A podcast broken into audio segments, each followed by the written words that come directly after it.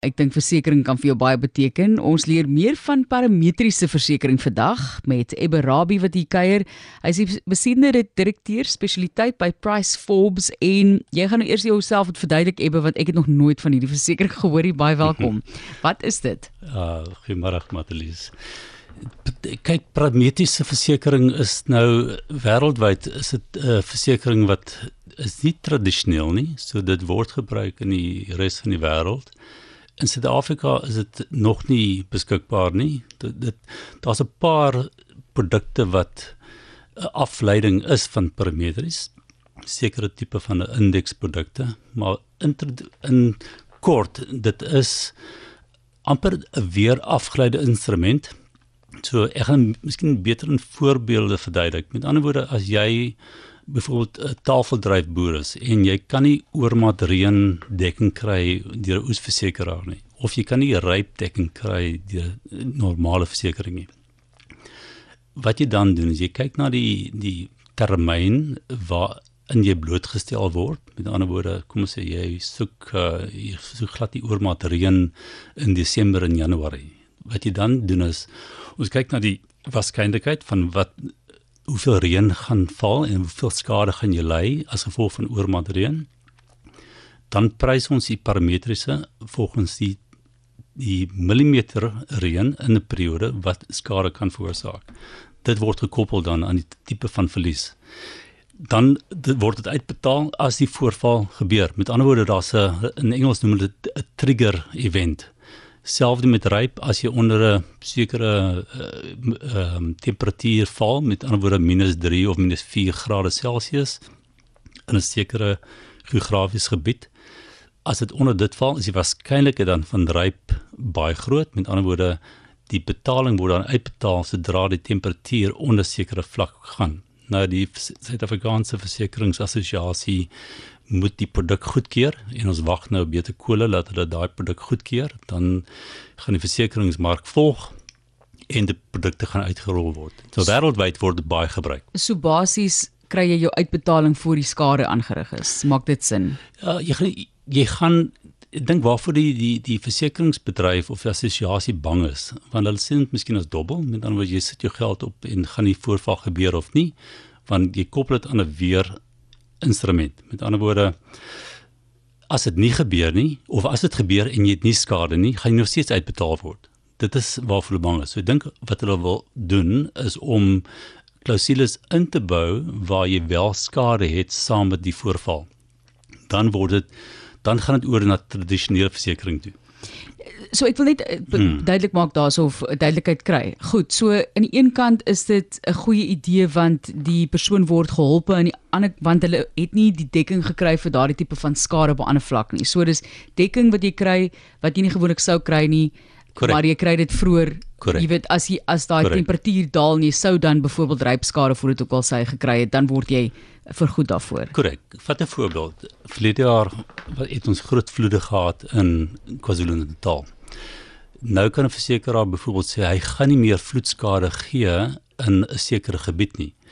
Wat jy dan kan doen, jy kan dan sê, goed, as jy as jy gebied meer as sê 2 of 300 mm reën kry, is die waarskynlikheid van vloed baie groot. Met ander woorde, nou kan jy jou versekering gaan koppel aan 'n weerinstrument. Met ander woorde, as jy meer as 300 mm reën kry, is die waarskynlikheid van vloed baie groot elke millimeter bokant 'n sekere vlak word dan gesien as vloedskade en hy word uitbetaal. As jy kyk in Noord-Amerika byvoorbeeld, ehm um, kan jy in, in state soos Florida nie, nie meer orkaandekking kry nie.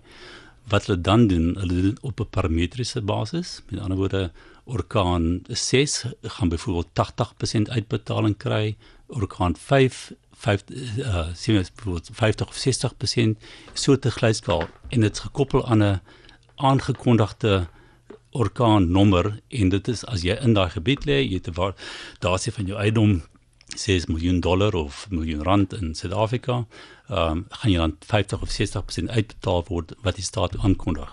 Ja. Selfs met parameters.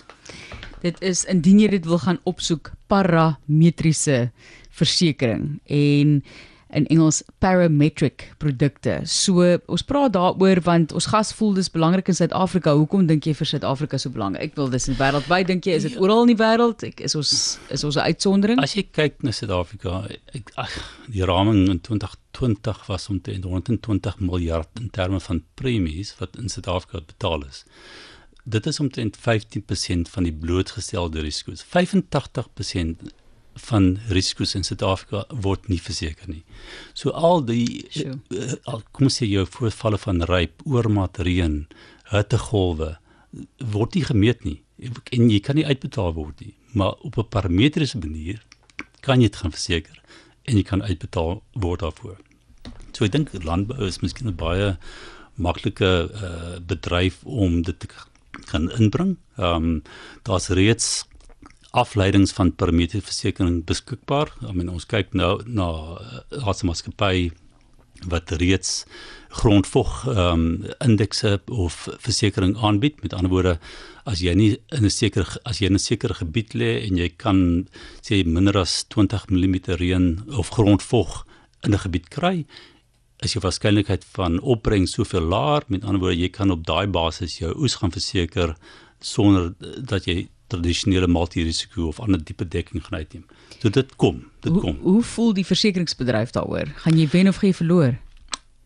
Ek dink die kliënte gaan wen want jy kan Ek het nog gedink aan die bedryf. Die bedryf voor ons kom oor die kliënte. Kom ek sê vir jou die bedryf is so groot in Noord-Amerika en Europa. Met ander woorde die die herversekeraars sit in 'n in 'n samelewing waar hulle kyk hulle blootstelling is nou wêreldwyd. Met ander woorde Noord-Amerika is hulle blootstelling so groot en in Europa en miskien Suid-Amerika.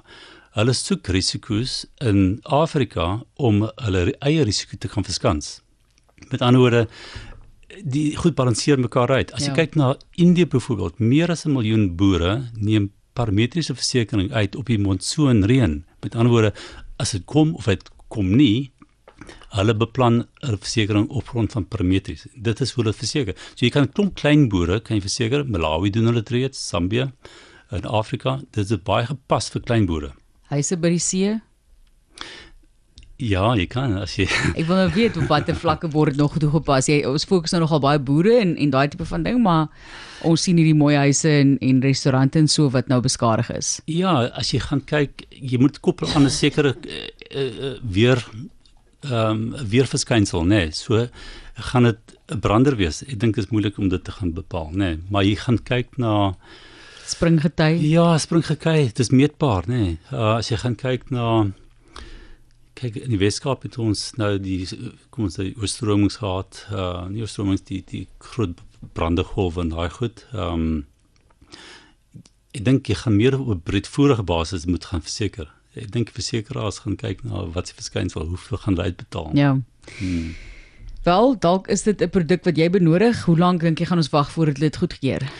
Kyk, ons wag hooplik nog hierdie jaar, maar as dit kom volgende jaar, dan dink ek gaan die mark oop gaan daarvoor. Ek dink ja, dis sekerlik iets wat eh, in die groot bedryf ehm um, in my opinie iets 'n aanvraag gaan wees. Ehm um, baie groot bedrywe kan dit uitneem. Met ander woorde, as jy byvoorbeeld afhanklik is van van grane vir jou silo's byvoorbeeld en as 'n droogte in 'n sekere gebied, kan 'n silo aanleg byvoorbeeld parametries sy sy opbrengste gaan verseker op so kom op so basis. Ja. Ehm um, die die dit is so wyd eh uh, Martlies. Baie wyd. Kragverskaffingsbedryf ook uh, ja, is ook 'n groot sektor. As jy vat die hernubare energie mark Hulle kan byvoorbeeld sonlig kan hulle meet, hulle kan windspoed meet as jy nie seker hoeveel dit wind kry in 'n sekere gebied nie.